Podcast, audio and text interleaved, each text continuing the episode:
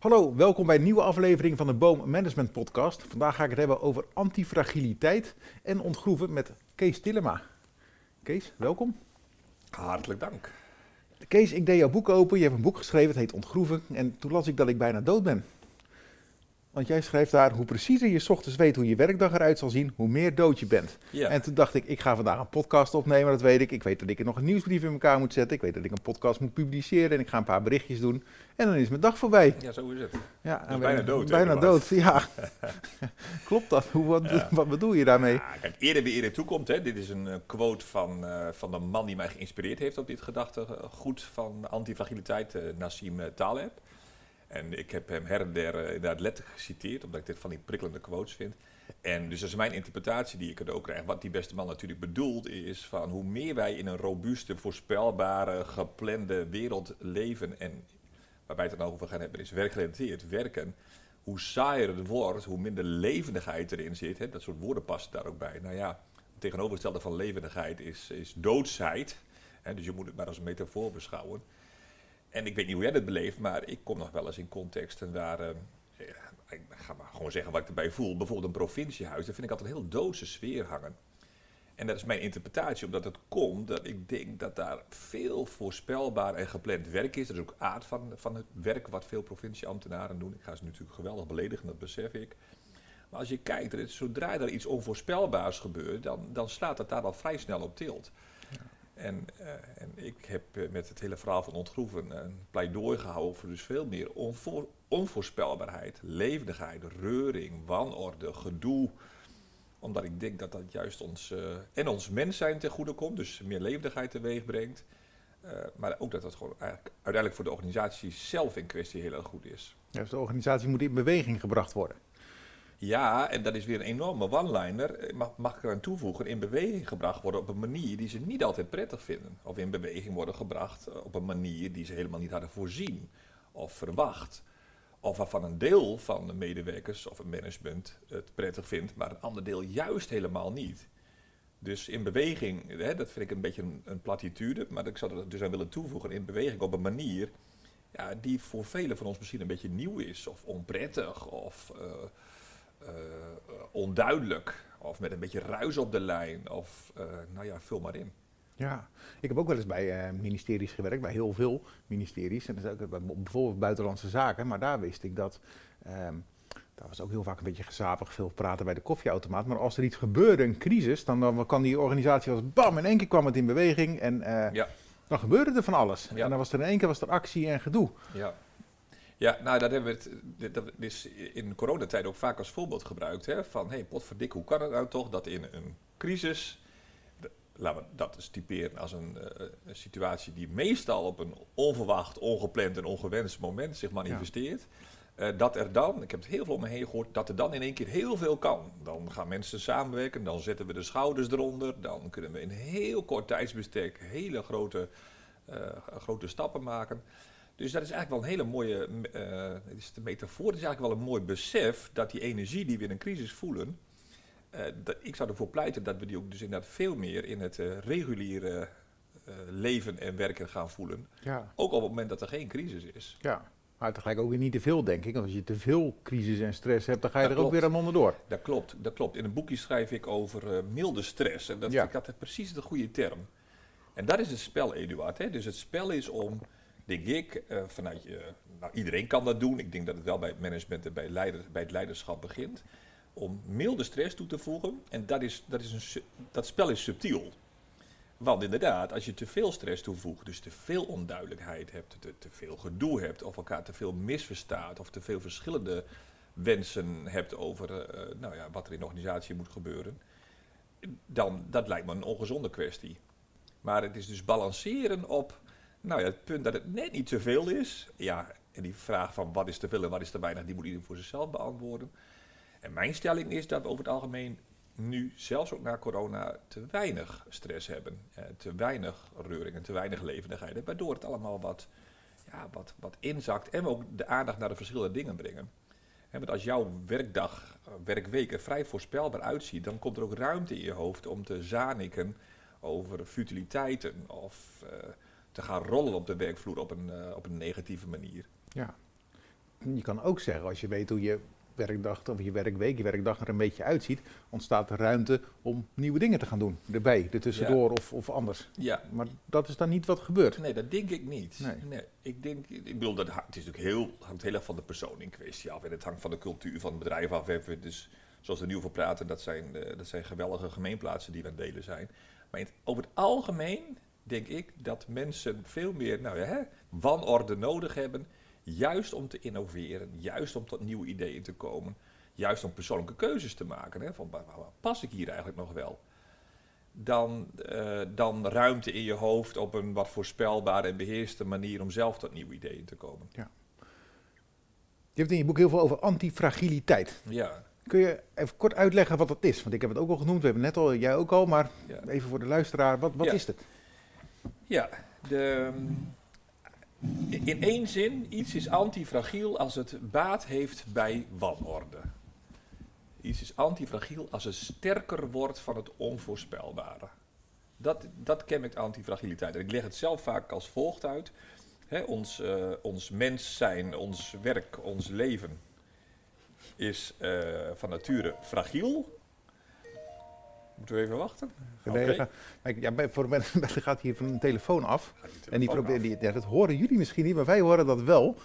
Dus die ga ik proberen uit Kijk te zetten. Eduard, dit, dit illustreert precies mijn theorie.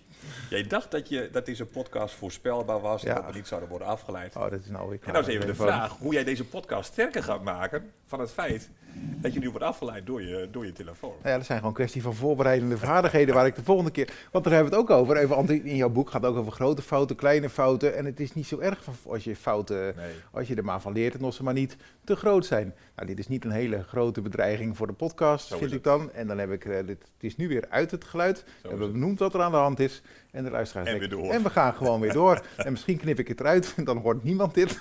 en anders laten we dit erin. Maar we hadden het over antifragiliteit en dat heeft baat bij wanorde. Ja, dus wat ik wilde vertellen is dat, de, dat ik het vaak als volgt uitleg hè, van, van ons mens zijn. eh, werk, leven is van nature heel erg fragiel. En fragiliteit betekent dat eh, zodra het eh, buiten een bepaalde bandbreedte, hè, situaties buiten een, een bepaalde bandbreedte zich manifesteren, dan, eh, dan, dan, heb je, dan, dan werkt het niet meer. Hè. Ik, eh, Dus, nou staat hier de glas op tafel. Hè. Een glas is een heel fragiel ding. Hij kan wel honderd jaar meegaan, maar als hij van tafel dondert, is hij stuk en heb je er niets meer aan. Ja. Hè, dus, dus zodra, zolang situaties voorspelbaar en beheersbaar zijn en werkprocessen en organisaties binnen bepaalde bandbreedtes blijven, is er helemaal niets aan de hand. Alleen de pest is, zodra die buiten een bepaalde bandbreedte komt, denk aan corona, dat was een situatie die ons allemaal uit het lood heeft geslagen, ja, dan slaan we op tilt en dan zijn we verward. Dat is één, fragiliteit. De menselijke reactie is eh, dat wij daar niet van houden. Wij willen namelijk zekerheid, grond onder de voeten, eh, voorspelbaarheid. Wij willen, zoals Taleb het dan noemt, robuustheid.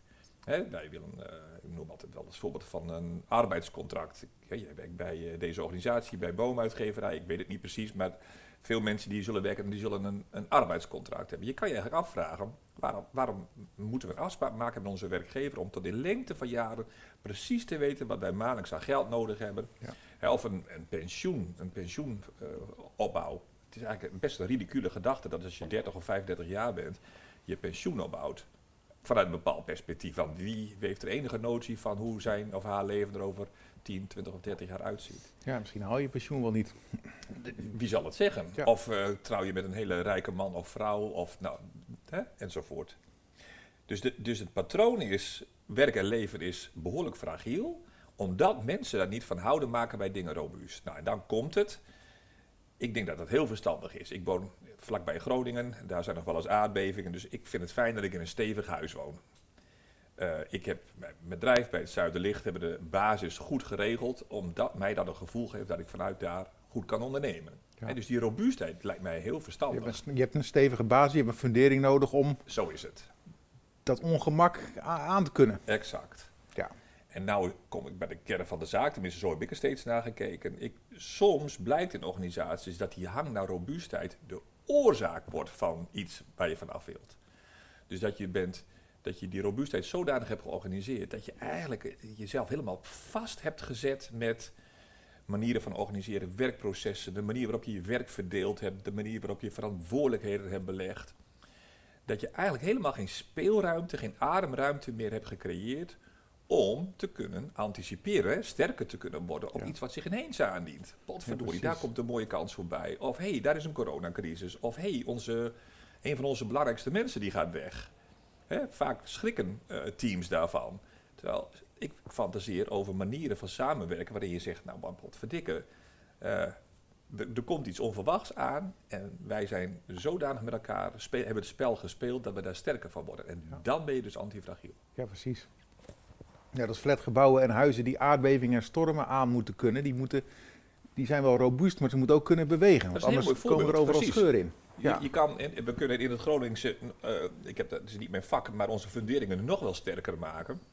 Maar hè, dan zoek je je hang naar meer robuustheid. Maar er zijn inmiddels ook bouwconcepten uh, in ontwikkeling die juist minder robuust zijn, maar meer bewegelijk zijn.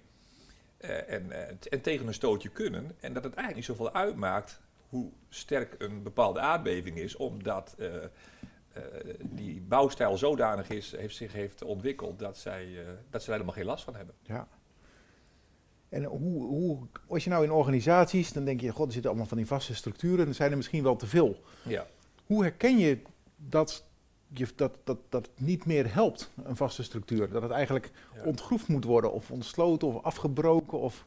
Ja, dat is een mooie vraag. Daar heb ik zelf ook wel wat op zitten te dubben toen ik het boekje aan het schrijven was. Uh, als ik nu met deze filosofie wat uh, aan het bakkeleien ben in de praktijk, hè, bij onze opdrachtgevers, dan merk ik dat er eigenlijk een hele simpele vraag is om bij die herkenning te komen. En dat is uh, vragen aan, hè, aan betrokkenen, aan management of medewerkers of aan docenten of aan artsen. In de ziekenhuiszorg past het ook veel toe. En die vraag die luidt, joh, als je wel eens je gevoel laat spreken, waar, waar heb je enorm de balen van? Waar voel je de beklemming? Waar voel je, waar het net over doodsheid, hè? waar voel je de vernauwing? Waar voel je gebrek aan levendigheid? Waar mis jij een beetje energie? En als je die, het zijn meer emotionele vragen, dus het is mijn eigen interpretatie, maar ik heb ontdekt dat die vragen me veel dichter bij interessante dingen brengen dan rationele vragen. Waar verliezen wij hier efficiëntie? Hè? Waar, uh, waar zijn onze klanten minder tevreden over? Dat zijn allemaal van die klassieke bedrijfskundige vragen. Maar die leiden minder snel, althans, dat is mijn ervaring tot nu toe, tot het antwoord op die vraag die jij net stelde. Ja. Want als jij mensen die meer emotioneel getinte vragen stelt, nou, ik vind het altijd zo fascinerend, het komt direct los. Nou Kees, heb je even. Wat me hier ongelooflijk stoort, is dat we wel één keer per twee jaar zo'n heerlijk medewerkerstevredenheidsonderzoek doen doen. Met een heel robuust systeem erachter. Maar als ik heel eerlijk ben, joh, ik heb gewoon eigenlijk een, eh, best wel een slecht contact met mijn leidinggevende. En dan wordt dat wat weggepoetst met soort onderzoek, met verbeterpunten. Dus uh, hè, de hang naar robuustheid heeft zich gemanifesteerd in de medewerkerstevredenheidsonderzoek. Maar ik zou eigenlijk veel meer willen werken en de spanning is wat willen opzoeken met een paar interessante gesprekken met mijn leidinggevende. Om maar zo'n voorbeeld te Ja, precies. Ik, geloof, ik heb best wel veel medewerkerstevredenheidsonderzoek ingevuld. Ik geloof niet dat ik ooit heb gemerkt dat er ook maar iets is veranderd in een organisatie dankzij zo'n onderzoek. Nou, dat maar is, dat is uh, misschien een heel ander verhaal. Maar nou, het, het, bewijst, het, bewijst het idee dat die hang naar robuustheid soms uh, niet meer werkt. Ja, nee, precies. Maar de, je zegt eigenlijk, als je dan wil veranderen, van, je begint met een hekel, dat is de via negativa. Ja. Maar heel veel, uh, als ik allemaal organisatieadviseurs in, in, in, in, in huis haal, die ja, en dan, dan, dan, allemaal positieve dingen veranderen ja. en van alles. Ja. Maar hij zei eigenlijk van je moet kijken waar je een hekel aan hebt en dat dan gaan veranderen. Ja, dat klopt. Ja. Ja. Ja. Ja. via negatiefheid vind ik een van de sleutels die voor mij zelf ook het meeste gebracht. Omdat ook, uh, je, je verwijst al naar organisatieadviseurs, omdat organisatieadviseurs, maar ook het management zelf vaak juist dingen toevoegen. Hè? Wij, als wij iets willen, voegen we over het algemeen dingen toe. Ja. Dat is een heel grappig patroon. Dus en als we niet, niet meer willen, voegen we ook dingen toe, namelijk regels en procedures en andere dingen. Voilà. Ja. Dus, de, dus de bedrijfskundige reflex is, ik, ik, heb zelf een achtergrond in management, accounting en controle. Nou, die controles, die, die kunnen er helemaal wat van. Die voegen altijd dingen toe. Er komen altijd spelregels bij. Als wij iets willen, dan komt er wat bij. Maar, dat moet ook eerlijk zijn, uh, dat is ook waar ons hele systeem, ons organisatiekundig systeem, is op ingericht. Want moet je me voorstellen, Eduard, ik ben een organisatieadviseur en jij uh, huurt mij in en ik zeg, nou beste Eduard, ik heb je een wijs advies, je moet gewoon niks doen. Ja, dan schiet ik over het algemeen in mijn eigen voet, want ja. mijn uh, mijn brood wordt verdiend met het feit dat ik dingen ga doen met jou. Ja. Dat ik in mijn geval uren mag schrijven. Maar hetzelfde werkt natuurlijk voor een arts. Of voor een notaris. Of voor een advocaat. Of voor een tandarts. Of voor een docent. Iedereen wordt betaald in ons systeem om dingen te doen. Dus er is, wij worden, hè, zijn, eh, nou ja, ze noemen dat zo mooi inderdaad, hè, dat er soms perverse prikkels zijn. Of ze pervers zijn, dat durf ik nog niet te zeggen. Maar we worden wel geprikkeld om altijd dingen te doen. En via negatieve is zo'n interessant principe, want ja, dat daag je uit om na te denken over de vraag: hé, hey, maar kunnen wij op bepaalde facetten beter worden, hè, beter omgaan met wanorde, door minder te doen? En dat is, eh, als ik daar met groepen eh, mee aan de slag ga, is waren hele eh, spannende en creatieve sessies. Want dan gaan we eens nadenken, maar wat zou er gebeuren als we zouden stoppen met, Ja. nou, budgettering, om maar eens een voorbeeld te noemen. Daar krijg je hele leuke gesprekken door. Wat gebeurt er als je zou stoppen met budgetteren?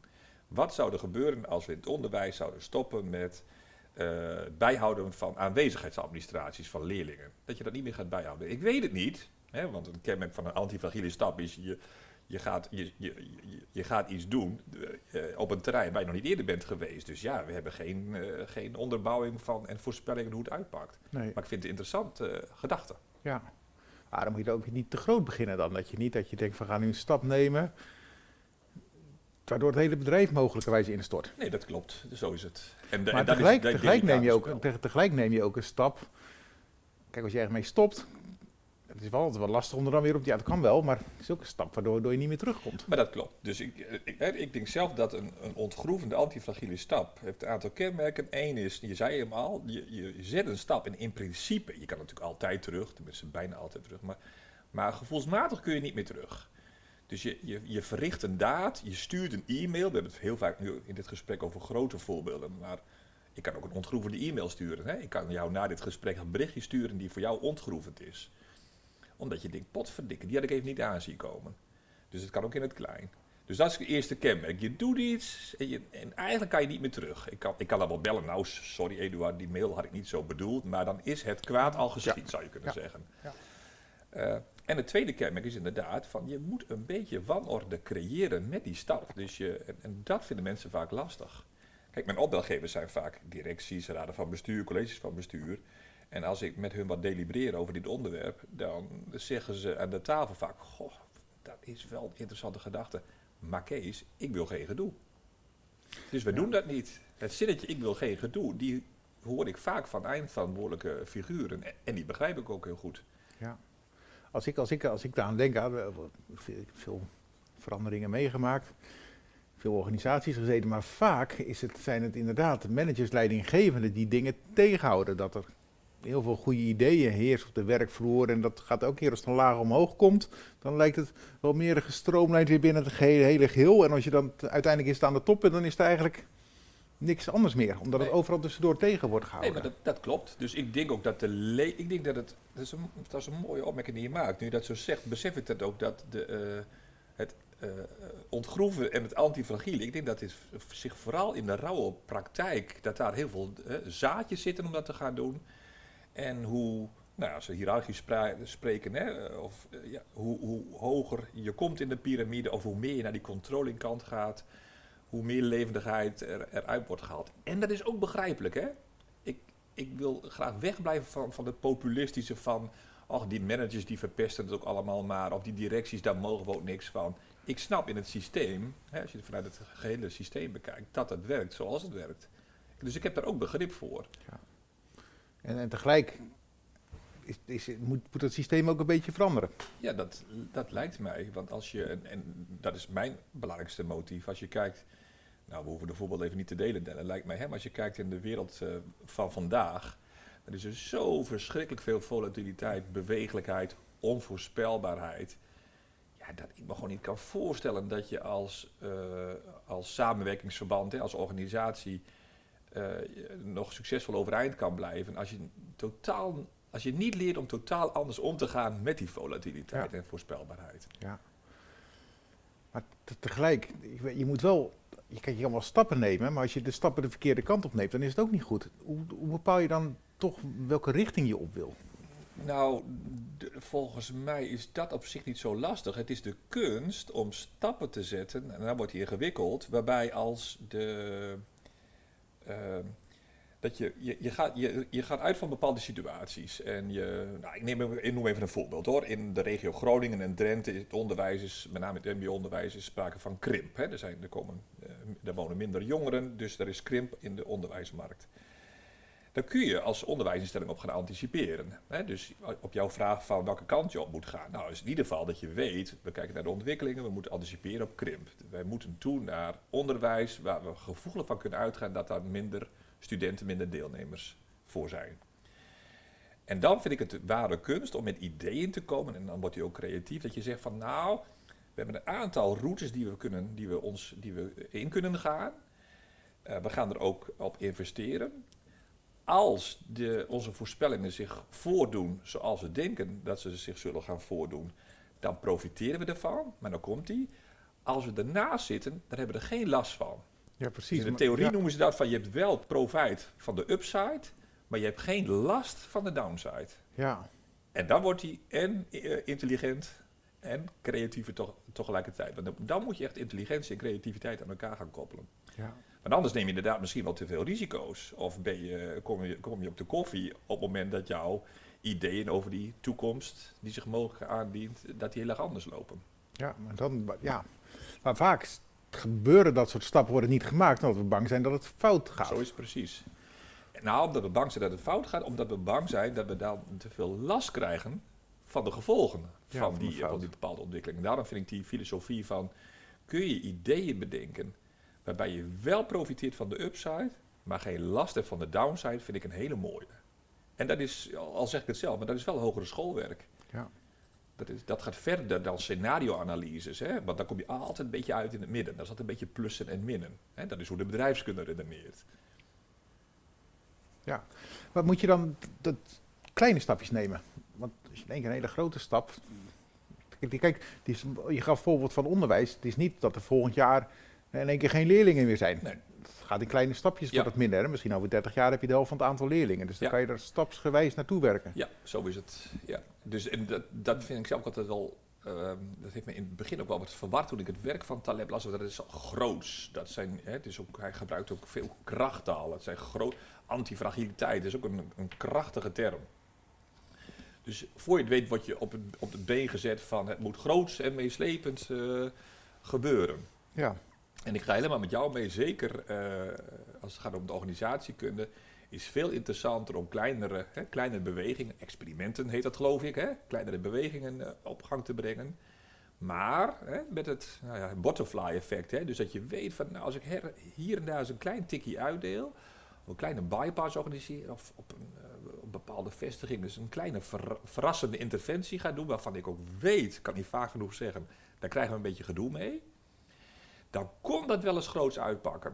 En dat is ook weer profiteren van de upside, maar niet te veel last hebben van de downside. Ja. Als je weet, als het niet lukt, ach, nou, nou, hè, dat is een, teleur, een klein beetje teleurstelling of je bent Ja. wat centen kwijt, maar heel ernstig is het niet. Ja, precies. Ik weet van militairen die acties ingaan, in, in, in, bijvoorbeeld in Afghanistan of Irak, die, die bereiden zich op twee scenario's voor.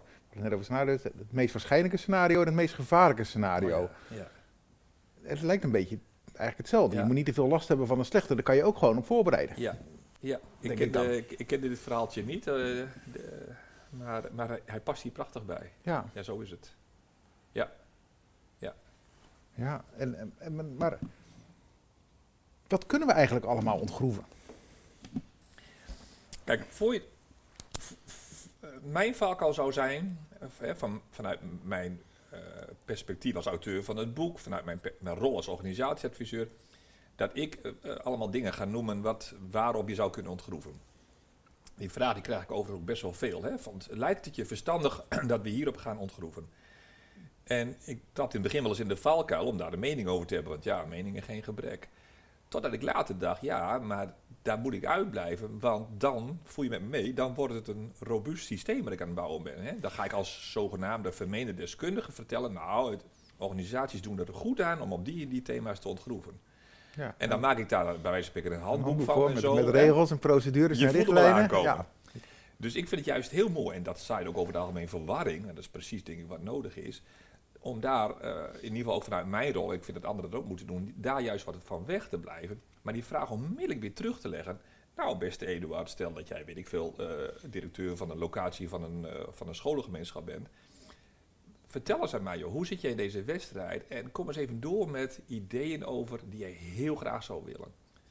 Waar je, waar, je, waar je diepe irritatie zit, waar jij heel erg druk over maakt, waarvan jij denkt van het is hier potverdorie elke keer weer op dit onderwerp hetzelfde. De langspeelplaat, de groef. Hè? Het is, Dit is hier echt vergroefd. Als alles kan en mag, wat zou ik hier dan graag wat van af willen? Dat soort gesprekken leiden heel vaak tot een antwoord op die vraag die jij net stelde. Van waar hebben we te ontgroeven of wat kunnen we ontgroeven? En in mijn perceptie dat kan dit in principe overal op, juist. Ja. Zo is het. Zoals dat je denkt van, goh, wat hebben die functioneringsgesprekken eigenlijk opgeleverd de afgelopen jaren? Nou ja, dat is al een hele bekende in HR-land. Hè? Die, Ja. eh, daar, daar wordt de laatste jaren ook al heel erg eh, anders naar gekeken. Ja. Maar let op, Ik heb er al jaren geen één meer gehad en er is eigenlijk niks misgegaan. Dat bedoel ik. Ja. Nee, maar zo is het. En dat zullen heel veel mensen zeggen. Ja. En ook hier zie ik, ik, beticht HR-land in die zin ook wel eens eh, van wat, ja, hoe zullen we dat noemen, van wat, eh, ik kan niet zo goed op het woord komen, maar op, van ideeën die de zaak een beetje maskeren. Dus dan zeggen ze, nou, dat functioneringsgesprekken gebeuren, dat werkt niet zo goed meer, dat gaan we dan inruilen voor, nou, dan komt een hele mooie moderne cretologie. 360 graden feedbackgesprekken. Eh, eh, bijvoorbeeld. Terwijl in die end je daarmee nog niet ontgroeft, want je ruilt eigenlijk het ene, de ene methodiek in voor de andere. Ja. Hè? En het is eigenlijk veel interessanter om te zeggen van nou, wat gebeurt als we ermee zouden stoppen? En dat vind, vind ik een mooi voorbeeld. En die, het robuuste systeem van een functioneringsgesprekken eh, gebeuren, ruilen we in voor een veel meer fluïde systeem. Bijvoorbeeld dat je met elkaar afspreekt, joh, als, hij, eh, als er hier een collega is die vindt dat hij met zijn of haar baas moet spreken, dan heeft hij de morele plicht, dus niet de procedurele robuuste, maar de morele plicht, Ja. om zo'n gesprek te plannen, te- voor te bereiden en uit te voeren. En als je als leidinggevende vindt, god, nou het is wel eens even tijd om met die Van Brakel om de tafel te gaan, dan heb je de morele plicht. Om dat te doen. En er zijn organisaties die, dat, die, die met deze spelregels werken en die zeggen ook van ja, met de ene collega zitten we vier keer per jaar in gesprek, want er is wat mee aan de hand. En met de andere inderdaad, die zien we jaren niet. Nou, Ja. dat is volgens mij veel meer een systeem wat recht doet aan de volatiliteit dan een alternatief voor het functioneringssysteem. Ja. Ja, nee, dat is zo. Ik heb, ik heb ook wel eens in organisaties gewerkt waar we ook heel goed waren om groeven toe te voegen in dingen. Of dat er ergens langzaam een groef gecreëerd werd van iets wat eigenlijk geen groef was. Ja, zeker. ja, En dit illustreert prachtig dus onze verslaving van, eh, aan eh, robuustheid. Dus Ja. wij, wij willen die stevigheid gelijk zoeken in, in groeven, in regels, in vaste ritmes, in formulieren, in eenduidigheid. Hè? Ja. Vind ik altijd zo mooi. Er moet altijd eenduidig gecommuniceerd worden. Afdeling communicaties, die zijn er erg druk mee. En altijd, maar dan ook werkelijk altijd, zeggen we aan het eind van het liedje... ja, er is één ding niet zo fijn gegaan en dat is inderdaad al de communicatie. ja, dat gaat nooit goed. Dat gaat nooit goed. Nee. Dus hoe zou het er zijn om te zeggen van nou, als het nooit goed gaat, laten we daar dan gebruik van maken dat het nooit goed gaat. Ja, precies. Of gewoon op anticiperen dat het nooit goed gaat. Hartstikke idee. Ja. Dus wat wij bij soms, hè, bij sommige veranderprojecten wel doen, wanneer het wat, wat stilvalt, hè, wanneer het niet zo levendig is, dan gaan we expres miscommunicatie organiseren. Want dan gaan mensen met elkaar in gesprek. Dan krijg ik boze mailtjes of er wordt er onderling met elkaar geklept. En, jongen, heb, je het al gehoord? Wat dan? Nou, zus en zo. Nou, dat heb ik niet gehoord. Hoe kan dat nou? Zijn ze mij vergeten? Eh, ik moet er maar eens achteraan gaan. Ja, En dat is subtiel spel, want wat je net ook al zei, op het moment dat je daar net even over de grens gaat, dan breek je de boel af. ja, ja, ja. Wat soms ook weer niet erg is, want daarna kan je het weer opbouwen. Maar het is wel Zeker. vaak soms, soms, soms kwaad geschiet. ja, ja. ja. Ik zal echt nooit vergeten, hè. ik werkte voor het ministerie van Defensie en ik was freelancer. En ik, ik zit in de online communicatie en ik maakte daar onder andere ingewikkelde aanvraagformulieren. Want we waren een interne klantcontactcentrum aan het bouwen. Eén balie, één website en nou, gewoon zo'n verhaal krijg je dan. Dus ik was ingewikkelde formulieren aan het bouwen, heel ingewikkeld. 26 pagina's code zoals ik aan het tikken. In ieder geval, mijn manager komt naar mij toe en die vraagt... Eduard, kan jij een handleiding maken voor decentrale redacteuren... dat ze een eenvoudig formuliertje kunnen maken met drie velden? Die zegt, dat is goed. Dus ik een Ja. eenvoudige handleiding gemaakt voor een eenvoudig formulier van drie velden in het systeem. En ik gaf dat aan die manager. Ik zei, alsjeblieft, ga maar kijken of het werkt. Nou, dat werkte, had nog nooit ermee gewerkt. Had binnen 20 minuten had hij een eenvoudig formulier gemaakt. Dus dat ging de decentrale organisatie ging dat in. En twee weken later word ik bij mijn manager geroepen. Hé Eduard, kom maar. En is er nou weer aan dat? Ja, dacht ik, ik heb een klacht over jou gekregen. Ik zeg, een klacht over mij? Dus ik ging me navragen, wat heb ik nou weer gedaan? Hij dacht, ja, je houdt je niet aan de formulierenbouwprocedure. Ik zei, waar niet aan? Hij dacht, de formulierenbouwprocedure. Ik zeg, welke procedure? Hij dacht, ja, die procedure die je zelf hebt gemaakt. Ik zeg, ik heb helemaal geen procedure gemaakt. Ik heb een handleiding gemaakt. dus toen heeft mijn manager heeft een ontheffing voor mij aangevraagd. Ja. Om me niet te houden aan de procedure, die geen procedure was, maar een handleiding voor decentrale. Ja, het is absurd gewoon. Het is absurd. Ja. En, dat gebeurt het heel veel organisaties. vindt, is er een, ja, er zit een hele interessante, en het is geen kanttekening, maar het is een eh, verklaring voor dit gedrag, voor het, eh, voor het groevengedrag. Eh, die is voor mij heel erg leerzaam geweest. Ehm, ik, heb, ik heb meerdere voorbeelden. Ik zal je één kort vertellen. Dat was een zorgorganisatie die wilde graag met minder regels gaan werken. En dat is een tijdje heel erg hot geweest in de zorg. Nu wellicht ook nog.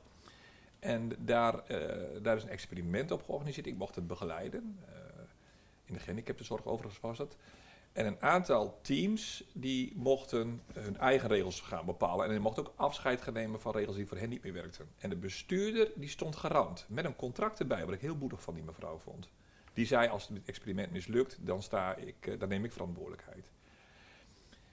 Het was heel bijzonder, Eduard. Die dames, het was twee teams waar alleen maar dames in zaten, die mochten ik begeleiden. Die, die vonden het fantastisch. Die zeiden van, nou Kees, nou zullen wij eens even laten zien hoe het ook kan. Het experiment startte. Na drie maanden ging ik naar die dames toe. Ik zei, nou, ik ben, was ik ook hè, ongelooflijk benieuwd van welke groeven, welke regels, protocollen hebben jullie afscheid genomen.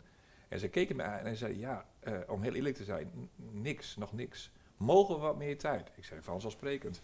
Drie maanden later, Kees Tillema er weer naartoe, Jadadendaal. Niks veranderd. En toen heb ik met hun allemaal een gesprek gehad. Ik zei, maar nou ben ik benieuwd. Dus we lezen en we horen vaak eh, de, de werkvloer die roept om meer vrijheid, minder regels, meer autonomie. En op het moment dat ze geboden worden, wordt die ruimte en die vrijheid en die autonomie niet gepakt. Ja. En dat vond ik een hele interessante. En hij is van mij hoor, want ik heb het onderzocht en ze hebben het niet gezegd. Maar mijn, mijn persoonlijke verklaring is, is dat mensen het doodeng vinden om naar dat hè, ontgroeven antifragiele te gaan, omdat ook zij dan houvast willen. Ja. Dus moraal van het verhaal, misschien hebben mensen wel behoefte aan meer houvast dan ze in de gaten hebben, zelfs als ze er last van hebben. ja. Dat weet, ik weet niet of het waar is, hè, want ik heb dat niet, niet kunnen achterhalen, maar dat is wat- mijn vermoeden. Wat ik heb gehoord over die zorg. De zorg was de zes minuten registratieregeling of iets dergelijks. Zeker. En er was eh, Erik Gerritsen, die was eh, ooit gemeentesecretaris, meen ik. En nu zit hij volgens mij bij het ministerie van Volksgezondheid. En nou, in ieder geval, die had ermee te maken. Maar die, die man is ook van het ontgroeven. Die heeft me altijd gevraagd als er iets is, zegt waar staat dat dan? Ja. En dan staan dingen nergens. En uiteindelijk is die zes minuten regeling is afgeschaft. Dat mensen dat voor mij in de zorg niet meer hoeven te doen. Ja. Maar hij heeft alleen nooit bestaan op papier. Ja. Dus er is iets afgeschaft wat nooit heeft Maar- bestaan, maar, maar wat wel ergens is gaan leven bij mensen. Nou ja, dus, dus een groef geworden. Dat is een groef geworden. En dat, dat is toch ook gek? En dat kan, kan me ook voorstellen dat bij die, bij die mensen dat er gebeurt. Dat ze zeggen, ja, het is Ja. een groef, maar het staat eigenlijk nergens. Nee, maar dan is de groef in je hoofd geworden. Hè? Ja, dat is- dat is ook zeggen een dat ook. Hè? ja. Dat, dat ons, in ons brein letterlijk groeven gaan ontstaan. Als wij bepaalde handelingen of patronen of rituelen eh, een aantal keren gaan repeteren. Ja. Dan worden er letterlijk nieuwe verbindingjes in ons brein aangemaakt. Dus jouw voorbeeld is in die zin prachtig. Dan staat het nergens vastgelegd. Nee, maar het is wel een groef in mijn hoofd geworden. Zonder dat ik het in de gaten heb. Ja, Ja, Absurd eigenlijk dat dat gebeurt. ja zeker, zeker. Maar dat maakt het onderwerp ook zo mooi. Ja. En waar begint het nou, dat ontgroeven? Begin, hebben we altijd bottom-up en top-down, dat soort termen, terminologie altijd. Hoe ga je ontgroeven? Gaat dat van boven naar beneden of gaat dat van beneden naar boven? Wat is... nou, dat is, een, dat, is een, eh, dat is een robuuste vraag die je stelt. En dus mijn antwoord zou zijn, het maakt me werkelijk maar helemaal niets uit. Als het maar gebeurt. Als het maar gebeurt, ja. Ja. Want het komt soms ook van de Raad van Toezicht. Het komt soms door nieuwe wet en regelgeving waarbij je als organisatie denkt, pot verdikken, eh, hoe gaan we hier op een ontgroevende manier mee om? Dus dan is, dan is het startpunt vanuit wet en regelgeving.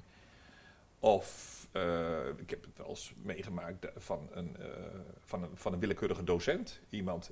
Een, een, gewone professional ergens die een tamelijk briljant idee had. en dat in het klein ging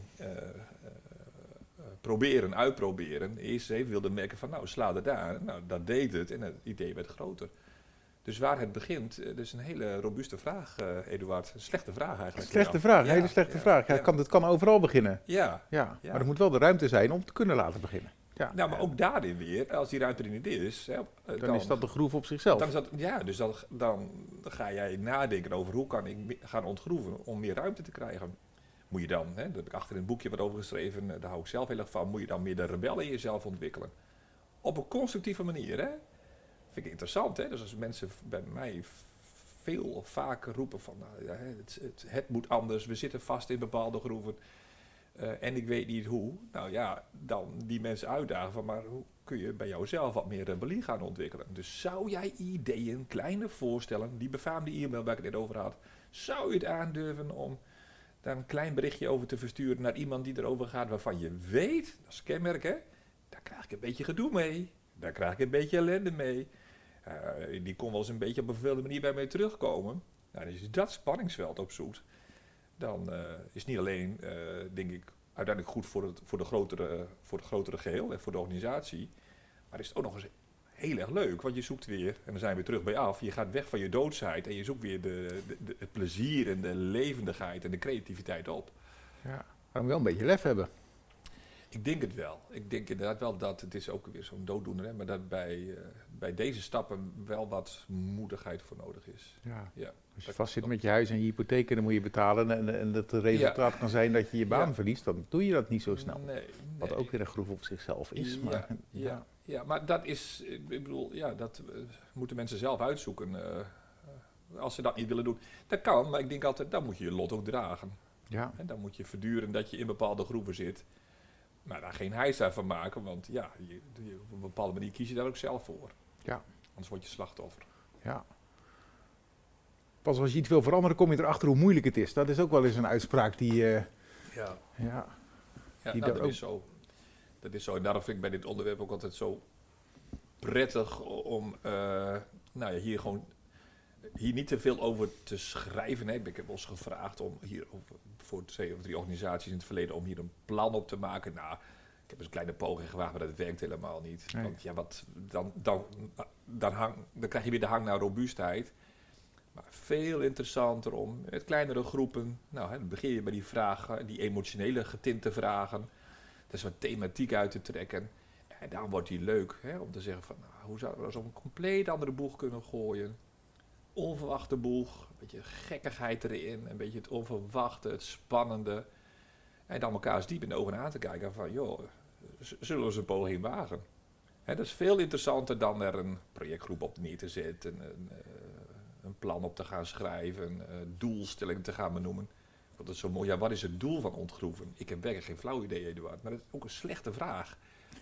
De doelen zijn hele, vaak hele Kan je op mijn papier vragen. kijken welke vragen er staan? Ja. Heb je nog meer van die slechte vragen? Ik heb, waarom zouden we moeten ontgroeven? Ja, ja, precies. Nou ja, dat is een heel simpel antwoord. Hè. Kijk maar om je heen, zeg ik dan altijd. Ik was een tijdje geleden uh, bij, uh, bij GasUnie en uh, daar liet iemand mij het, hun strategisch plan zien. Ik weet niet of het drie of vijf jaar was van twee of drie jaar geleden. En we hadden een heel hartelijk gesprek over. En hij zei tegen mij: Moet je nou eens kijken, Kees. Even geleden dachten wij nog dat onze nabije toekomst er zo, zo uit zou gaan zien. En hij zegt: We hebben er zo hartelijk om gelachen. om onze eigen beelden van nog niet zo heel erg lang geleden. Want je daar al. De wereld van de transitie en de duurzaamheid. Dat was natuurlijk compleet op de kop gegaan. Ja. En daar zijn dat wat grotere voorbeelden. Maar ik denk ook dat die in het klein vandaag de dag zich steeds meer manifesteren. Dus de, dus de waarde van een plan vanuit het klassieke bedrijfskundige denken, die, die zie ik niet meer. Nee. Nee. Nee. En het geeft ook zo verschrikkelijk veel lucht. Hè? Als je als team geen plan maakt. Geen jarenplan.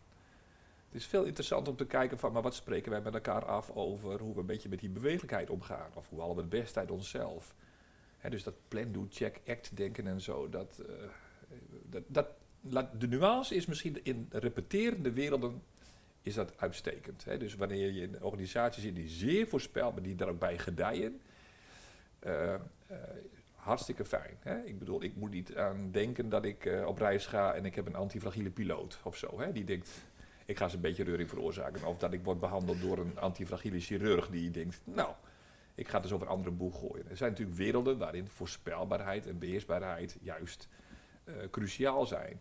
Ja, maar waar er binnen misschien ook wel ruimte is. Want, die, die, nou, dat denk ik ook. want zo'n chirurg, die, die weet niet, die heeft wel een heel onvoorspelbare...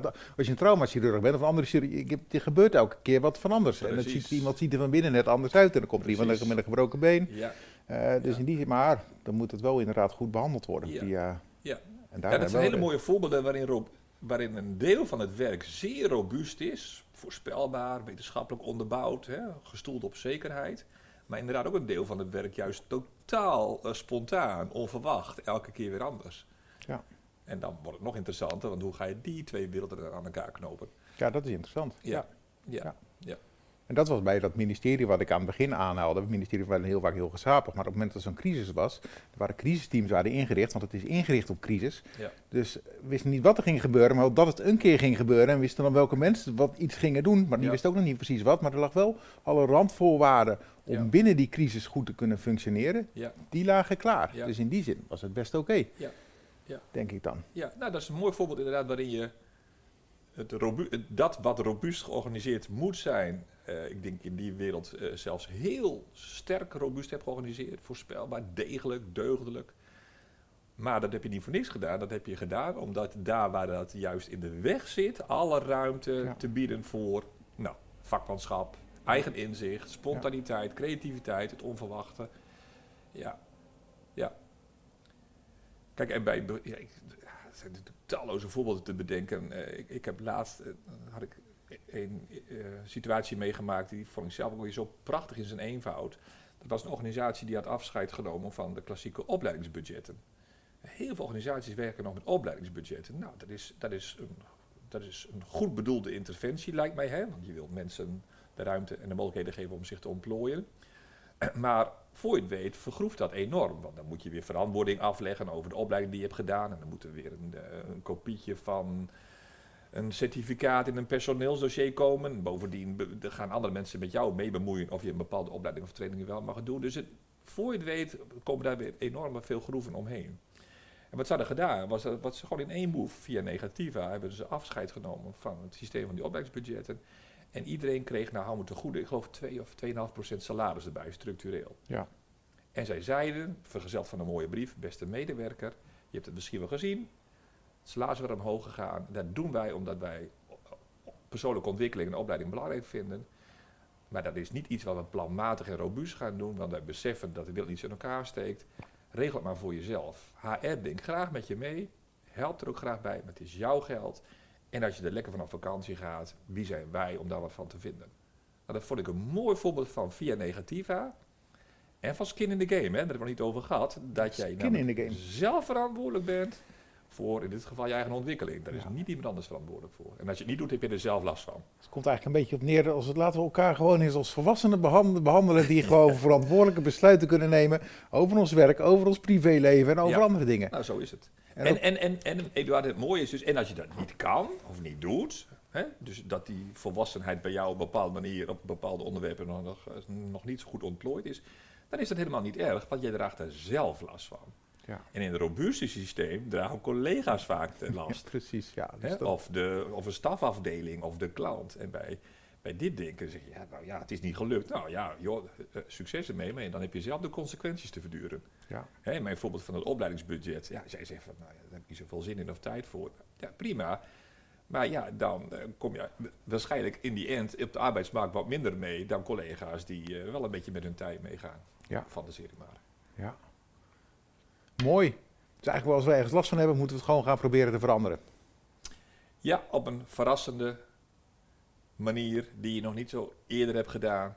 Die een beetje bijdraagt aan een positieve beleving ook voor de rest van je collega's en werk Precies, en andere mensen. precies. Dat Ja. is ook een hele mooie toetssteen. Hè? Dat, als, als ik met teams ontgroeven ideeën ontwikkel, dan is vaak een hele mooie toetssteen van, word je er een beetje blij van. En het zijn enorme platte vragen en ze werken als een dolle. Ja, Ja, ja, ja, jeetje, als we dit zouden doen, ik vind het wel spannend. Maar jeetje, mineetje, dat zou wel super gaaf zijn. ja, Hè? Dat zou wel moddervet zijn. Om maar eens even dat soort woorden te gebruiken. Hè? Maar daar ben ik groot voorstander van. Dan zit je 9 van de 10 keer in ieder geval op een hele interessante richting. ja, Ja, en hoe het zich dan ontvouwt, dat is natuurlijk allemaal uitwerking. Maar dan zijn vaak de richtingen heel erg interessant. ja. Dan komen we terug naar het begin. Dan ben ik eigenlijk helemaal niet dood. Want ik vind zo'n dag als vandaag, waarin ik jou mag interviewen en nieuwsbrieven mag maken en andere dingen kan doen, dat vind ik hartstikke leuk. En waarvan mooi, acte. en waarvan acte. Een heel mooi gesprek. Kees Stillema, dankjewel. Jij ook bedankt.